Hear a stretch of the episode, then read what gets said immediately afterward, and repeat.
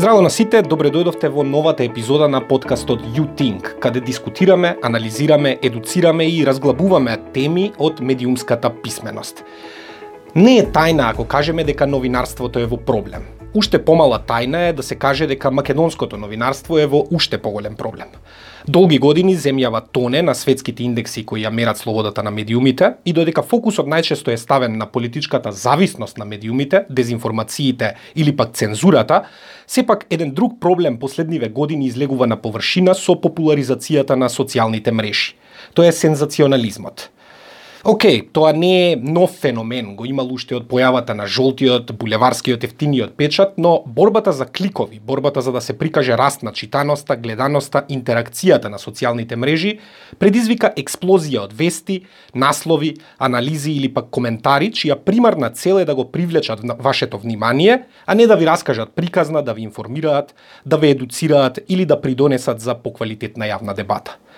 Па така верувам редовно се соочувате со вести кои почнуваат со зборовите скандалозно, шокантно, неверојатно, ужасно, ова мора да го видите, вознемирувачко или хорор.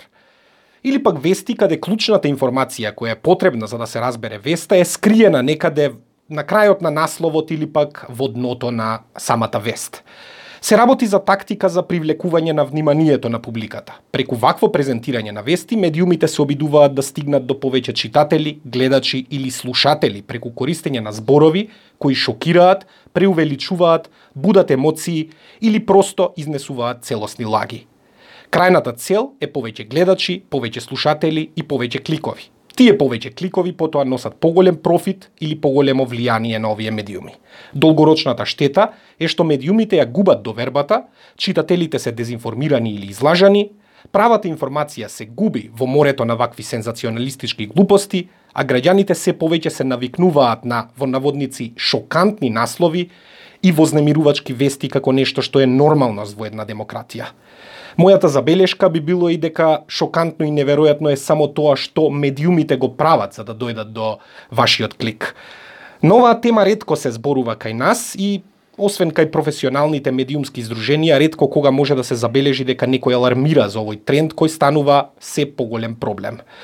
Токму денеска на оваа тема со нас а, го имаме новинарот, ќе речев долгогодишен, ама малку изгледа а, вака призвукот е негативен, еве искусниот новинар Огнен Јанески, со кого ќе поразговараме околу овој феномен, околу тоа дали ваквите колку ваквите содржини се штетни и дали некако можеме да се одбраниме од нив и најпосле што може да направиме за да ги промениме работите на а, подобро. Огнен, а, ти благодарам што а, си дел од овој а, подкаст You А, на самиот почеток а, сакам да те прашам еве вака генерално колку сензационализам има во, во нашите медиуми? Во зависност од тоа како ги прво благодарам за за поканата, тоа со долгогодишен искусен а, не секогаш одат едно со друго, ама добро, ќе го прифатам во случајот. Се пропуст... не, не. На, на, на врт на јазик беше, ама да, да, се, се задржа. Ќе го прифатам во случајот. А, во... Иако не е погрешно. Не, не, не. Мислам, затоа велам. Има лош призвук Истото, сама. истото важи, го, го почнав, го почнав така одговорот затоа што тука некаде ми е и паралелата и со медиумите. Uh -huh. А, ние долги години се занимаваме со ова прашање, особено последните години се занимаваме со прашањето на сензационализмот. И тука мора да направиме една многу голема разлика помеѓу спомнувањето на медиумите кои користат сензационализам и тие кои помалку користат сензационализам, бидејќи не би рекол дека нема такви што не користат, со оглед на тоа дека и на факултет и генерално во новинарството тоа е алатка што некогаш се користи дури и за промоција на одредени медиумски производи. Но, имајќи ја наум паралелата помеѓу искуството и долгогодишното а, согледување, имате медиуми кои што многу искусно ги одбегнуваат а, тие епитети кои што би им се залепиле како сензационалистички, а сепак го користат, сензационализмот и имате такви кои што долгогодишно само живеат врз база на сензационализам и тоа го забележуваме денес. И тука повторно мора да направиме дистинкција помеѓу традиционалните и не се тоа веќе новите, но ајде ќе одиме со а, новите форми на медиуми, со а, онлайн медиумите и со социјалните а, медиуми каде што кај традиционалните дури и кога сакаат да прибегнат кон чист сензационализам како примерите кои што ти ги спомна во однос на употреба на наслови, особено кои што се наслови за привлекување на на отворање на нивните веб страници, законски, етички, според кодекс, тоа е многу потешко изводливо отколку кај медиумите кои што законот не ги препознава како како медиуми. И тука ние имаме еден сериозен проблем. Нерегулирањето на онлайн просторот доведува до една таква слобода која што е а, императив во нашето општество и во глобалното општество, ама која истовремено имајќи ја дотолку слободата, може да биде и злоупотребена и таа и се злоупотребува во контекст на сензационализмот. Така што работите би требало да ги гледаме од една страна на тие кои што имаат целосно отворени раце, да прават што сакаат со веста и ја злоупотребуваат таа слобода, и тие, како што сум јас да речеме дел од традиционални медиуми, кои што и немаме баш многу одврзани раце во однос на таквите прашања, наоѓаме правен вакуум за злоупотреба на, на одредени вести за сензационализам и точно кажувам злоупотреба, несна одливост И а, веројатно и така треба да ги разгледуваме, а не како генерално да ги генерализираме сите заедно. А, еве, колку среќаваш а, вакви насло, наслови во, во а, секојдневието, кога ги а, гледаш медиумите, кога читаш на а, социјални мрежи, а, на а, интернет порталите и дали еве некогаш си бил во искушение спомена дека сите објавуваме некакви а, сензационалистички вести, но дали Некогаш си... дури и несвесно, значи некогаш Да. ве понесува самиот момент. И тоа е тоа што на пример нам виси над глава кодексот кој што вели чекај малку нека го види и друго око да видам затоа што може би сум се понел од ситуацијата.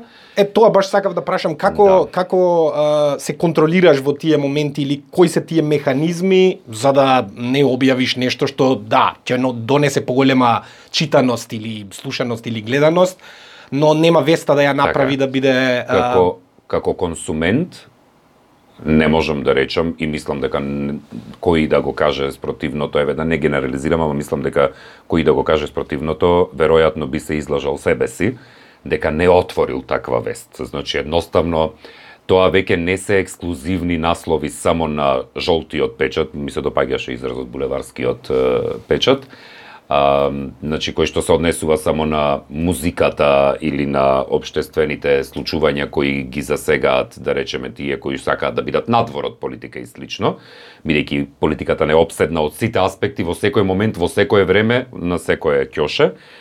И како консумент Да, ми си има случајно и си имам залетано и се уште се залетувам иако вложувам максимални напори да не го направам тоа. Последно ми се случи пред два дена, а, што не кажувам многу за моите максимални напори, но ми се случи само еднаш во последните два дена, да отворам вест која што ми беше запрепастувачка, да речеме во однос на тоа дека насловот велеше откако Бразил дозволи луѓето да ги убиваат моторџиите а, кои што се кратци, еве што се случува по улиците. Јас не го отворив тоа затоа што сакав да видам еве што се случува, затоа што не ме интересира бидејќи знам дека тоа нема да има никаква врска со веста, ама бев фасциниран од моментот дека Бразил дозволил убивање. не ти е верно. Едноставно тоа за ниедна држава не ми е верно, бидејќи тоа ми наликува на едни филмови кои што одеа во неколку продолженија, сега не можам да се сетам како се вика, а, каде што се дозволуваше во еден ден тоа да се случува. И ја отвори веста, и тоа не беше вест објавена, да речеме, на некој сајт кој што од старт ви дава до знаење дека тоа не е проверено. За да потоа морав да отворам на англиски, да пребарам. На англиски, иако најдов а, значи, пр- проценувачи на фактите и вистиномери во однос на, на приказната, сепак не ми беа доволни, па морав да ги барам на бразилски, па да ги пребарувам од бразилски, после да ги преведувам. За да дојдам до заклучокот дека тоа не е вистина. Што ми беше јасно, Ама во секој случај, мојата секојдневна работа, на пример, во комуникација со гледачи, со публика, нонстоп се соочувам со вакви работи. Нонстоп се соочувам со сензационал, сензационалности. И за да можам да им ги оспорам на гледачите, некои дури се јавуваат чисто само за да проверат дали тоа е вистина. И за да можам да им одговорам, некогаш се најдувам во ситуација да прочитам еден тон неважни работи, само за тоа што е, треба да ги имам на ум. Во однос на справувањето професионално сега зборувам, кога сум се довел во ситуација, mm -hmm. имам една конкретна приказна која што ја раскажувам многу пати во, ова, во вакви моменти за вакви прашања. Во 2017-та, кога беше упадот по собранието за изборот на Талат Джафери за председател на собрание, се згоди да требаше да влезам во студио да вршам пренос на отворена програма за изборот на собранието, кое што сите ние на работа очекувавме дека тоа ќе трае десетина минути и си имавме целосно предвидена програма што треба да се одвива во текот на, на вечерта. Емисиите беа со сосема различни содржини, целата уредувачка програма беше различна и тоа од 10 минути сите знаеме, бидејќи следевме, ние бевме и единствен медиум во тој даден момент кој што неколку часа имаше директен пренос а, додека не се вклучија и другите и целосно се измести целата приказна. Тоа што во овој контекст на нашиот муавет сакам да го раскажам е дека во еден момент а, бидејќи јас добивав информации што од колегите од редакција над мене, што од колегите, мислам физички зборувам просторно над мене, а, што од колегите од терен вон собрание, во собрание, врските, нели, бидејќи имаше блокатори на интернетот и на, и на телефонските линии, врските прекинаа. Добивав информации од внатре пратеници кои што виделе дека оди во живо па ми праќаја преку пораки. Па автоматски на Facebook отворате и обични пораки и побарувања за пораки, па отворате на сите страни. На Twitter ви праќаат, на Instagram ви праќаат. Значи каде ќе стигнат луѓето, сегде праќаа. Затоа што од секаде се обидува во тој момент да дадам информација на луѓето. И ми доаѓа една информација од многу значаен извор, значи нема да речам сигурен, ама значаен извор, во нашата професија имаме ние разликувања на изворите, од значаен извор кој што ми вели дека а... тоа би му дошло некој кој би можел да знае и би требало да кој не е да... новинар, ама mm -hmm. кој што е таму, знам дека е таму, кој што и не е човек кој што би ме наместил, так, условно так. речено, бидејќи нам ни се случува, и самиот знаеш, луѓе да ни пуштаат информации ако наседнеме чисто за да бидеме Чисто на еве на слушателите да им биде да. јасно бидејќи чисто да сакаат да се обидат да наседнеме на информацијата. И со тоа се нарушува кредибилитет, веродостојноста и на медиумот. И ми доаѓа информацијата дека Зијадин Села е убиен. И тоа беше информација што во тој момент ако бевте на социјалните мрежи, а генерално но, по големата популација беше, некои стигнаа до таа информација. Добрата работа е што во Македонија се уште процентот на луѓе кои што ако не било на телевизија не е вистина, е многу голем. Од една страна тоа е добро, од друга страна може би не е затоа што не се верува на ништо друго и тоа е веќе друга тема за разговор. И ја добивам јас таа информација, во моментот вие се понесувате нели нашиот дел да бидеш прв со информацијата, да бидеш Ти иде да ја споделиш, што се вика. Ти доаѓа да ја споделиш. Плюс имајте на ум се уште дека јас се што ова ви го раскажувам, го правам и го работам во живо.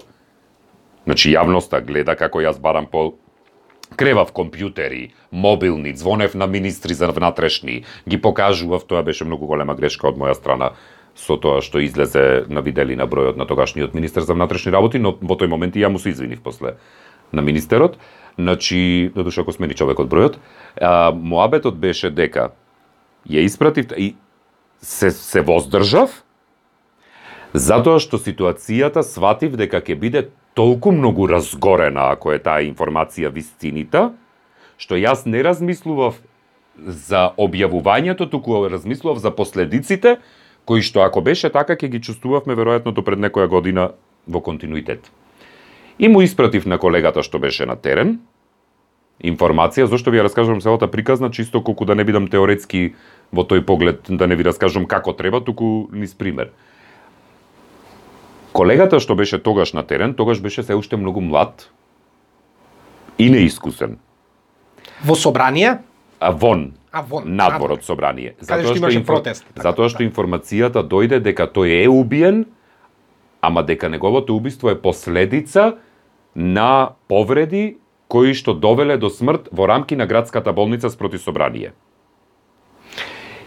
И му реков на колегата, бидејќи си надвор, бидејќи се ке градска болница, молим те истражи информацијата, дали е вистина и дали човекот е жив, ме интересира.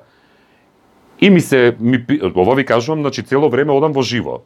Куцам со колегата, а, куцам со други, објавувам, зборувам со гледачите, објаснувам на публикумот и се. Ми пишува по 10 минути колегата дека од два извора добил информација дека е мртов. И јас му велам во ред, Готово. но, но, јас се држам се уште до трите извори.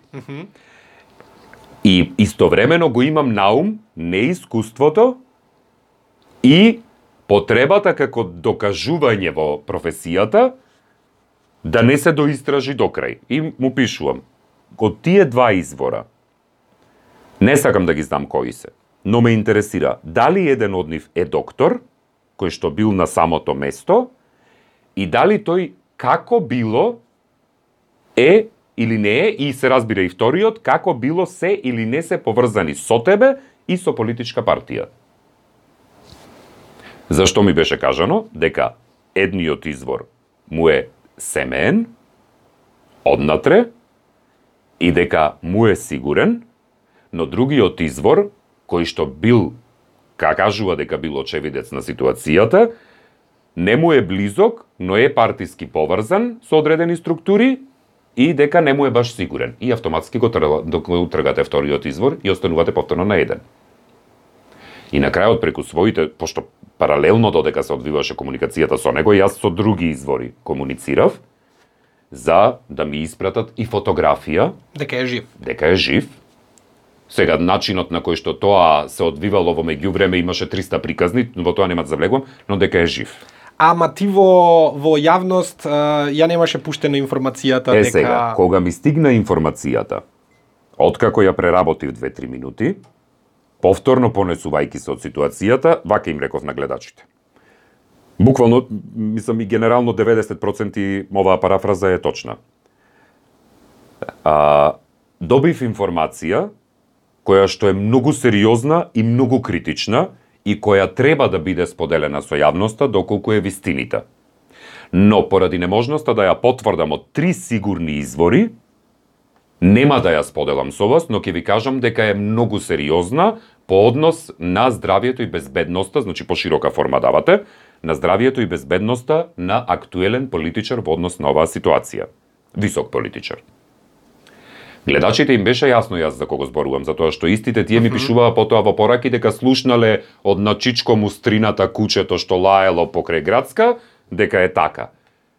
Јас споделив дека има сериозни и точно, Сијадин села на вистина беше многу тешко повреден. Да, нема ништо грешно у, у тоа што си Да. го кажа. А предпоставувам дека тогаш и имаше медиуми што излегува со Да, да, да. со вести дека Излегоја два медиума и јас кажав... не знам дали знаеш, меѓутоа сликата од Зијадин села крвав како лежи, тоа е од наша новинарка од Радио Мов, која што се најде таму иако никој не ја прати да оди таму, меѓутоа она новинарското во неја ја натера Сите да оди, го во слика тоа ситуација. и кога ни ја прати сликата, ние викаме не знаеме кој е човекот и не одиме со никакви имиња, Е, па никакви мене таа слика од колешката работи. ми беше клучната за да можам да ја донесам одлуката и споделив со јавноста после дека да, точно е дека има одредени портали кои што споделиле информација дека Зијадин села е мртов, но дека тоа не е вистина во овој момент и дека единствената потврда што ја добиваме од наши интерни извори од градската болница со целото име тогаш ја кажав, не знам ни денес како се вика, освен Светина Омохридски, е дека тој е жив, да, е во тешка здравствена состојба, но е жив. Зошто ви ја раскажувам оваа приказна? Следниот ден вечерта, ова ќе биде најкраткиот дел од објаснување, следниот ден вечерта, со една наша високо еминентна политичарка, а, која што беше гостинка во, во емисијата, вака ми рече. Те гледав вчера и точно знаев каква информација имаш добиено, затоа што знам и од кого ја имаш добиено. Не конкретно од лицето, но знам од кои структури. И знам дека вика сакаа да те наседнат. Само ке ти кажам дека ние паралелно бевме со мобилните телефони постојано во комуникација со структури кои веќе беа физички излезени на улица, подготвени и кои чекаа ти да кажеш дали таа информација, бидејќи немаше друг извор во моментот, да кажеш дали таа информација е точна. Ако кажеше дека е точна, ние вика денес ке бевме се уште во граѓанска војна. И рече јас ти благодарам што си се задржа до начелата и правилата, а и генерално и до рациото, бидејќи тука и многу рацио има.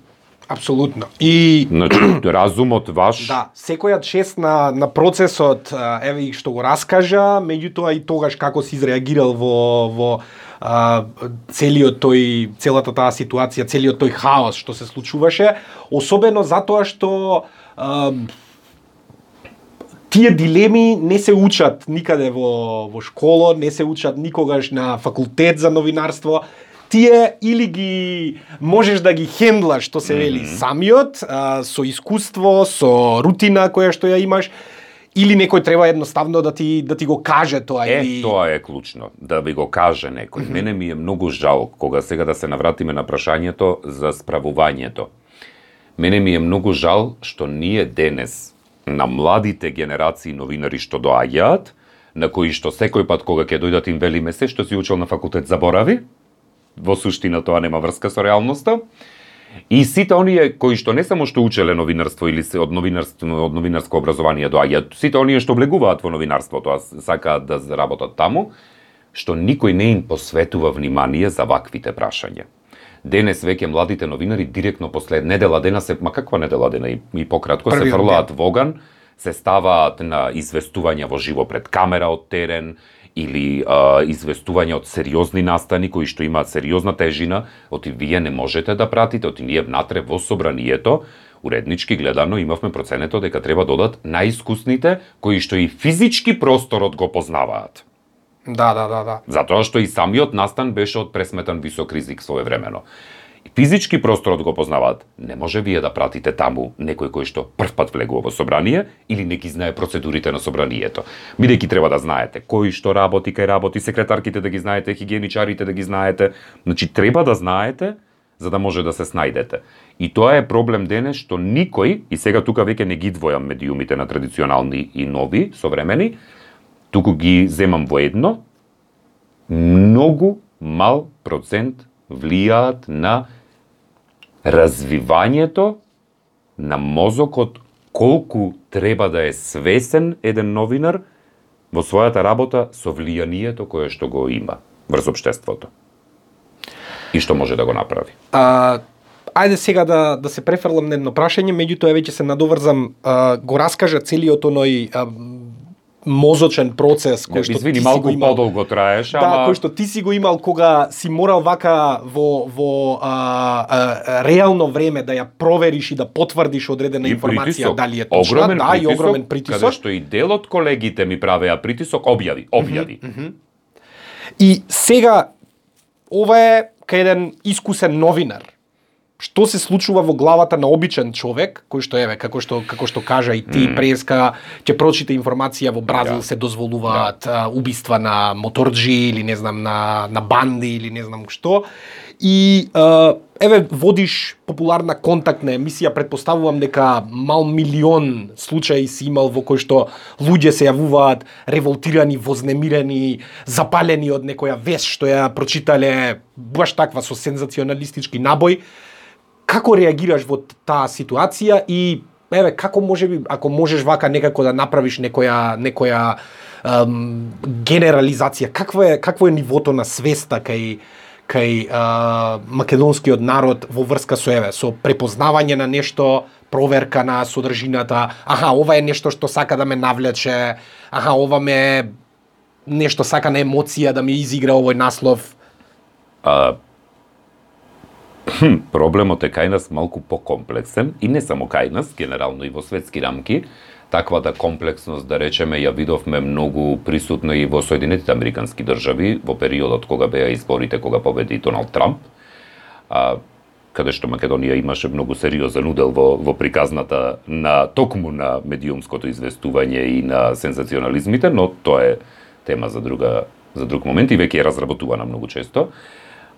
Посебно од странци кои доаѓаат во Посебно Велес. странци, да, да, да. Добро. значи, конкретно еве да речеме во емисијата ќе одам неколку слојно е прашањето, ќе одговорам по- накратко за неколку слоја.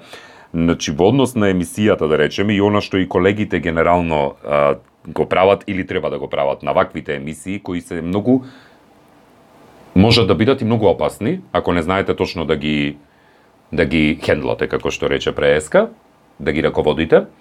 Ам, с, и низ искуството, колку веќе од 4, скоро 15 години водам контактни емисии, низ искуството ми се покажало дека единствениот најдобар начин е само соочувањето со факти, не дотолку со аргументи, колку со вистински факти, кои што треба и да знаете каде се или да ги имате пред вас во моментот кога ги соочувате. Зборувам значи соочување со факти во однос на пример на работи како што беше конкретно, еве последно ми паѓа на памет. Имав еден гледач кој неколку пати повторуваше председателот Пендаровски нигде го нема, страв му е да излезе меѓу народот, ќе биде повторно исвиркан како во галичник или не знам што. И го оставив неколку дена, чисто да видам како ќе прогресира тоа. Uh -huh. Значи многу свесно. И неколку јавувања со ред, тоа прогресираше на истиот начин, во секоја дадена тема беше спомнато и свиркувањето. И сега видете, зошто велам соочување со факти и зошто велам дека овие емисии имаат и многу големо влијание. Ако јас како водител, кој што имам обврска да се соочам со таквите изнесувања и да ги соочам со вистината или невистината, зависи од ситуацијата, не преземам никаков чекор, Повторно имајќи го на ум моментот на над 70% на доверба во телевизиите, ако не е на телевизија, тогаш не е вистина. А бидејќи ова е на телевизија, кажано и покрај тоа што не е мој производ, ама јас го раководам производот, кој што доаѓа и не го соочувам со фактите, полека полека станува вистина. Станува вистина. Бидејќи лагата многу пати да. повторена станува вистина. И тоа ми се докажало во историјата многу пати. И во тој поглед го оставив неколку дена, за да после неколку дена му речам господине. Значи, чисто реков само, откако заврши, му заврши времето, викам, чисто околу делот со извиркувањето на председателот, да знаете дека снимката која што беше раз, расширена по социјалните мрежи, како снимка, како видео е таа, но аудиото, тонот кој што се слуша на таа снимка, не е тој. Значи е земен од друг настан, каде што точно се има такво нешто случено, точно кон политичар, и е само налепен на видеото. Значи е измонтирана снимката, но не до тој степен за да гледачот а, може да забележи монтажа. Суптилна. Да, и тоа е, и тоа е, мислам, тоа дури не е ни во нас смисла она што ние денеска ги викаме deepfake или длабоки mm -hmm, лажни, а, каде што на вистина компјутерски генерирани информации и изместување на реалноста имате, значи нема врска, тоа е земено едно. Да, ама ова ова е ова е нешто што би можело да се случи, и некој го искористил тој така момент, е. затоа што и се подгреваше публиката предходните така денови, е. некој го искористил тој момент да залепи исвиркување на, на видео, и а, изгледа многу реално. И реално, да. јас кога го гледав видеото првично, на вистина мислев дека е реално. Со оглед на целата ситуација во која што сме и него не, мислам што би рекле ние во пријат, не го заушив нешто посебно. А, но но подосна кога излезе од видивака излего од различни агли. Да. Да. Кога видео. излезе разработката на видеото, сватив дека и јас сум бил изложен во ситуацијата. Mm -hmm. И со тоа, и јас веќе знаев кога тој прв пат почна да го употребува и го соочив со тој и тој ми рече Па добро, нема врска, ама на времето кога му рече на премиерот на Бугарија Борисов љубави и одмас тука се менува. Ама во секој случај, од тогаш наваму тоа веќе не е повторено. Од ниеден гледач. Од јас оставив да видам дали тоа ќе се преслика и ке други гледачи mm -hmm. и се преслика кај двајца други гледачи. Значи, според тебе мислиш дека дека има ефект тоа кога се соочуваат со а, а, факти или со противречни информации на нивните така. мислења, дека го менуваат ставот? Може би нема да го сменат ставот, но веќе нема да се употребува како аргумент во подгревање на одредена mm -hmm. политичка ситуација. За да смените нечи став, тоа е веќе друга сосема е, наука и тука нема да завлегуваме, тука има многу, многу, многу слоеви и длабочини, но конкретно во делот на соочувањето на фактите и а, комплетно нивно а, подривање фактички на нивното постоење на лажната е, представа е многу ефективно. И тоа ви го кажувам на вистина, на вистина од искуство. Јас цели извештаи сум вадел, буквално статистики и бројки, за дадена тема која што ја имам на емисијата, знаејки и при тоа предпоставувајки какви можат да бидат одредени прашања или е, мисли кои што се засновани на погрешни информации, затоа што така се дадени. А, еве и во нашата редакција во Радио Мов често и помеѓу новинарите си споделуваме различни а, вести, во наводници вести, кои што знаеме дека се а, на база на сензационализам, дали се тоа наслови кои што се провокативни или сакаат да навлечат а, публика. И еве, на пример, последно што се сеќавам, знам дека а, деновиве излезе а, Time МК го агрегираше земјотрес во Скопје од некој 2,8 не знам степени, што е релативно беззначајно и што Така е, се тоа- случува 100 пати годишно. Тоа е таков земјотрес, сервисна информација. Кој што излезе топ вест на, на Time МК прва Да. на, Да. на чело на најголемиот агрегатор за вести. И а, и си велам и со колегите, викам, уште од тој скопскиот поголемиот земјотрес пред колку пред 3-4 години кога се случи, а, медиумите се навикнаа дека тоа е нешто што се чита и било каков земјотрес во близина. Не беше овој овој ни во Скопје, ова беше во Косово што Да. се почувствува во Скопје. И сега тие зем, вести за за благи земјотреси го ги објавуваат 15, 20, 30 интернет портали ги објавуваат и традиционалниве медиуми, телевизиите ги објавуваат на нивните интернет страници. Да. А, друга на пример ситуација исто што често се соочуваме, која што е би сакал барем да ја да ја прокоментираме, сигурно и ти имаш такви илјада примери. А, ситуација кога се случило некоја шокантна, шокантна во наводници, некоја лоша а, работа, меѓутоа се случила некаде на друго место, не во Македонија, а која што е во насловот така прикажана за како да се случило овде. Например, не знам, Да, тешка Србија сообраќајка со Да. 10 загинати, Ма не, не, и додека стигнеш загинати. до во а, Во Краљево. во Финска, не е битно, не, во Најчесто Фра, тоа Франција. српските ги паќаат, да. Да, ама еве, географијата е ставена на крај за ти да речеш каде се, каде е ова сообраќајкава за да го кликнеш тоа. Предпоставувам дека такви има а, милион ситуации, меѓутоа не знам, постои ли некаков начин како граѓаните можат некако да се заштитат од од овие работи? Граѓаните можат да се заштитат, но тоа подразбира дека граѓаните треба да се научат на работ на неш да да прават нешта кои нам ни се работа. Да. Токму токму тоа што целиот процес што ти си го правел кога си известувал за упадот во собрание, треба обичен човек кој што има работа а, административна или не знам што, кој што сега треба да вика чекај, зошто ја да го кликам ова кога можам да проверам на друго место, да изгуглам. Ете така. И јас стојам на ставот дека тоа не е работа на граѓаните. Дека наша работа е тој простор да го чистиме. Многумина од моите колеги, повеќето, процентуално гледано, ми забележуваат секогаш на мојот став во однос на тоа дека само регулацијата во онлайн просторот се покажува низ годините дека не врши работа и дека ако јас, кој што работам во традиционален медиум како новинар, сум еднаков со сите колеги кои што работат во секаков вид медиуми, но при тоа јас подлежам под закон, под кодекс, не еден закон, многу закони, Значи, јас морам да го измерам секој збор што го кажувам на телевизија, бидејќи Агенција за медиуми, МВР, а, не знам, обвинителство, судство, секој тука ќе најде нешто за што може да ми реагира. И јас на вистина одговарам пред законот за својата работа, со сериозни одредници законски, за разлика од колегите кои што судството едноставно судската пракса кај нас не ги препознава како медиуми. Онлайн медиумите да речеме. Не го препознава како медиум.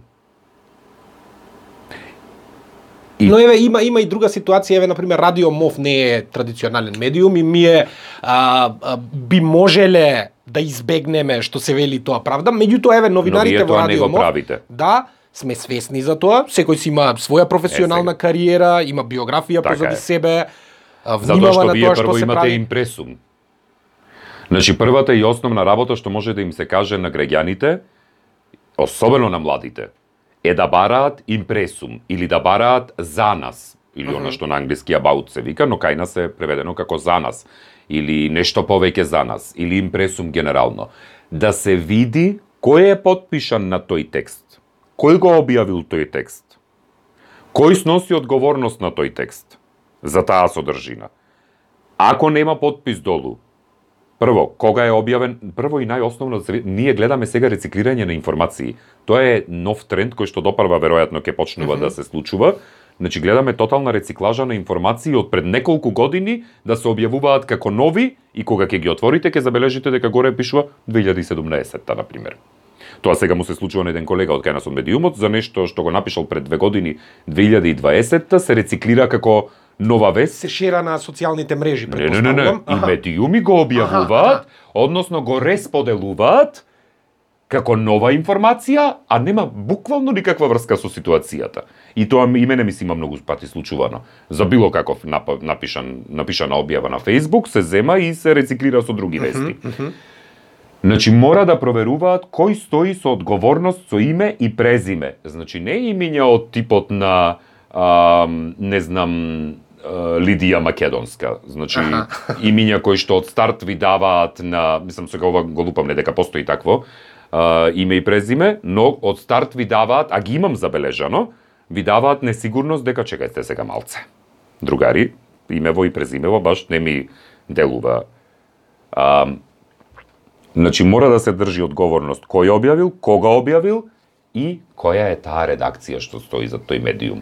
Вие, јас затоа велам, не треба да се генерализираат работите. Ние имаме прекра, прекрасни а, онлайн медиуми кои на вистина ги почитуваат дури повеќе и од нас традиционалните, ги почитуваат начелата и на новинарството, и на кодексот, и етичкиот кодекс, на етиката генерално, но и на законите. Но, повторно ќе кажам, оставајќи ја во изминатите години ситуацијата да видиме како тоа ќе функционира на саморегулација, бидејќи вие се саморегулирате. И Така тоа да. добро ви оди. Има и неколку други медиуми кои на вистина се саморегулираат и тоа добро им оди. Но колку сте процентуално вие наспроти сите други? Има ли решение на, на тој проблем? Решение има, мора да се постават, значи, законски одредници за преземање одговорност. А не сметаш дека ќе се изигрува законот преку тоа што ќе се отворат портали кои што нема да се декларираат како медиуми, пример. Така е. Ќе се Така е. рекламира како забавна содржина, портал, Така не знам е. што, и ќе пробаат исто да го да го изиграат законот. Така е, но секогаш ќе постои таква можност. Ние живееме во држава каде што изигрувањето на законот е вештина која што ја здобивате од мали нозе. Затоа и државата ни е таму каде што ни е. А, но а, ќе пробаме. Ако вроди со некаков плод, ќе го доунапредиме тоа поле. Ако не вроди со плод, ајде одиме со други можности. Живееме во свет на на на ризици секако, но живееме во свет на повторни истражувања на начелата А, и принципите. Искрено, не, не велам дека не си во право за ова што Не, не, зборуваш, меѓутоа, да искрено, да, а, јас имам а, па а, поинакво мислење, јас а, би тргнал, мислам дека проблемот не е во таа насока. Мислам дека нашиот проблем повеќе е во а, самото образование, Така е. критичко е размислување основното. и способност за анализа кај самото население. Бидејќи не би постоеле сензационалистички, вулгарни, глупи вести кои што буквално ја навредуваат интелигенцијата кога еве тоа со убиваат луѓе во во Бразил, пример или не знам што, кој што човек кој што читал, растел со медиуми, еве јас на пример сум таков, јас а, имам и завршено образование, меѓутоа многу повеќе сум научил читајќи, слушајќи телевизија, гледајќи вести, што е тоа вест, како да препознаеш дека некој сака да те излаже, кога некој ќе порасне со вестници, кога некој ќе порасне со квалитетни новинарски содржини, кога некој ќе порасне со новинарски имиња кои му влеваат доверба, предпоставувам дека понатаму во животот подруго ги ги гледа, подруго ги чита, подруго ги прифаќа содржините и на пример Така е. нема да лајкнеш нешто на Facebook кое што ќе биде е, рекла казала точка ком точка мк или рс или не знам кој. Граѓаните истовремено мора да имаат јас се согласувам со тебе целосно во, во, во однос на исказот. Значи граѓаните Поентата ми е истовремено дека мора ова да имаат друго мислам дека дека нема да вроди многу со плод и дека тоа само ќе биде Рестриктивноста никогаш не вродувала, дупки. така е, рестриктивност, рестриктивноста никогаш не вродувала со плод, ниту пак а, анархијата. Така што во тој поглед а, имаме ние многу сериозен проблем овде и почнувањето од образование е факт. Кога излегоа компјутерите, се појави потребата дека секој ученик треба да има предмет за- да работи со компјутери и тој предмет се надградува, се проширува и стигнавме до степен каде што ви имате целосни едни индустрии и професии кои што се засноваат на компјутерите, да не звучам сега како да сум роден 42 Но, а, истовремено, ние сега сваќаме дека со појавата на социјалните мрежи и затоа во образованието се вметна се што е врзано со компјутери. Не е само информатика веќе, општ поим за работа на компјутери. А, ние се ногиме во ситуација каде што ни се разви целосен еден паралелен свет, кој што исто така треба да биде предмет на образованието од најмали нозе. И јас се согласувам. Критичкото размислување, медиумската писменост се предмет кој што треба да бидат дел од официјалното образование, сексуалното образование и така натаму, значи еден тон работи кои што произлегуваат од огромниот набој на информации од сите страни за се нешто. Затоа што на тој начин, ако го развиеме критичкото размислување, може би, сега ми падна на памет чисто ова, може би, еве пример давам, ќе престанеме да ја користиме Африка како синоним за нешто презаостанато. Оти малку да седнете да расчитате за Африка, ќе сватите прво дека не е пустина целата, туку дека едни од најголемите зелени појаси се токму во Африка. За разлика од нашето нели субјективно гледиште како европејци дека ние сме најсовршени во однос на целиот свет.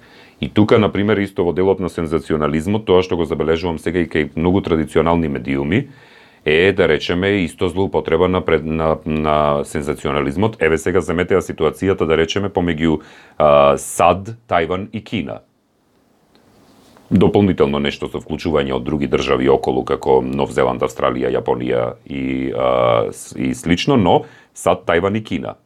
Дали сметате дека на вистина толку многу голем интерес ќе предизвикаше објавување на такви информации на поголема огромна земја како Кина, врз основа на свој помал сосед кој што го смета за свој, како што е Тајван, и вклученост на надворешна НАТО земја, како во случајот САД, ако не беше Украина и Русија ситуација. Mm -hmm.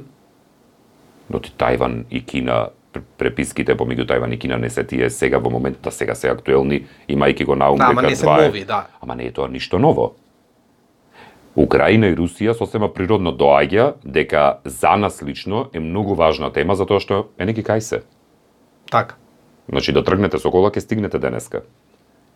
Тајван и Кина се многу далеку, ама ако ги отворите вие денеска главните информации, главните вести на агрегаторот, ќе видите дека главните информации се токму за тоа. Зошто? Апропо она што го спомена ти во делот на земјотресот. Ако до пред две години објавувањето информација за земјотрес носеше многу кликови, денес веќе статистиката не го покажува тоа, без разлика колку е прва вест на Тајм. Затоа што има поминато Уште многу пробуваат. Така е, има поминато многу Да. време од земјотресите во 2016-тата што беа во така, Скопје. така, така. И кои што обновија сеќавања на плюс да се разбереме, многу е важен и датумот од ко- околу кој што се објави информацијата за земјотресот, Така, така, така, врзана со 59 годишнината на земјотресот во Скопје. Да објавите за 2-3 месеци земјотресот 2,4, јас ви гарантирам дека нема да се појави во главните Добро, ама тоа е нешто што ги плаши луѓето, кои што Така ете, имаат Исто некаков како- уплав од Исто земјотрес. како Да. конфликт помеѓу Кина и Тајван, уште еден на веќе постоечкиот помеѓу голема земја кон мала земја што ја смета за своја. А, морам да те ослободам затоа што имаш а, емисија, ни тргна вака малку муабетот. Извини што те, те, те задржав малку повеќе. На крајот, еве сосема кратко последно Ајде. прашање, ме интересира дали си оптимист или песимист за а, еве проблемот на ова критичко размислување и колку во иднина еве а, ќе се продлабочува овој проблем или мислиш дека може би еве малку општеството ќе се станува малку посвесно за тоа да не го давам кликот таму каде што гледам дека некој ме ме мами да да му дадам клик за да за да направи некој некој пари или некој некое влијание. Не знам дали по дефиниција ќе речам дека сум оптимист по со оглед на објаснувањето што ќе го дадам. Јас секогаш сакам да бидам оптимист и се стремам да бидам оптимист наспроти песимистички е, мисли кои што ги имам во главата во однос на конкретно ова прашање. Но се што е претерано не чини. И човекот тоа го сваќа во даден момент. Ке се засити. И јас повеќе сум песимист за екс, екс, екстремноста што ќе се јави после тоа. -huh. Оти ова ќе оди, ќе се качува, ќе се развива, ќе се развива, ќе се развива, балонот ќе се полни, ќе се полни, ќе се полни и најднаш мора да пукне балонот. Не може ова да трае вечно. Ние, бидејќи ние се наоѓаме веќе во војна со информациите, ние веќе водиме војна. Ако порано војниците ги водеа војните, денес ги водат новинарите, пиарите, стратезите и така натаму. Значи, ние веќе сме во фаза на војна и тоа случајот со Русија и Украина го покажува mm -hmm. буквално точно школски го, го разјаснува. И сега, ако го разгледате и случајот на Кина, Тајван и САД, исто школски ќе ги разгледате работите, како се одвиваат. Но тој балон мора да пукне. Не може до вечност да оди. Што ќе излезе од пукањето на тој балон, ние треба тоа веќе да почнеме да го разгледуваме. Како ќе се справиме со последиците од пукањето на балонот со презаситеност од информации.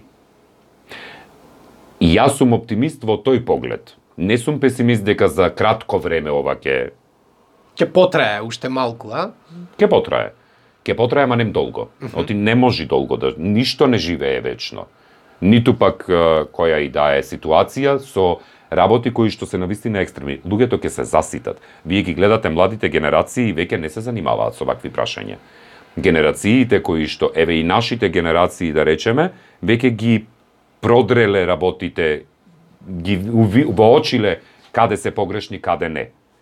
И ќе дојдеме во ситуација каде што генерациите кои што најчесто се закачуваат за овие работи, истовремено се и мајкот имајте го тоа на ум, истовремено се генерации кои што компјутерски се можеби помалку писмени за разлика од другите генерации. Тие генерации полека, полека, полека природно ќе си одат и ќе бидат заменети со нашите генерации кои што ќе имаат многу други предизвици. Но затоа е важно најмладите за да не бидат инфицирани со оваа работа, да ги научиме уште од сега, ако сакаме во догледни 30, 40, 50 години да не се соочуваме со оваа проблематика. Целосно се сложувам со ова и мислам дека е а, супер поента за за крајот на овој наш а, разговор. Можеме да зборуваме уште сати и сати на, на овие Искрено, теми. Да. благодарам многу Огнен за за одвоеното време Хvala. и за тоа што беше дел од овој подкаст. На слушателите им благодарам за вниманието и се слушаме во следната епизода на подкастот Јути. Со успех, благодарам.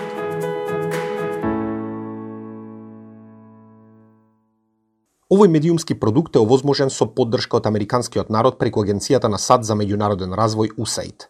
Содржината е одговорност на ИРЕКС и нивните локални партнери, Македонскиот институт за медиуми, Институтот за комуникацијски студии и Младинскиот образовен форум, и не ги изразува ставовите на USAID или владата на Соединетите Американски држави.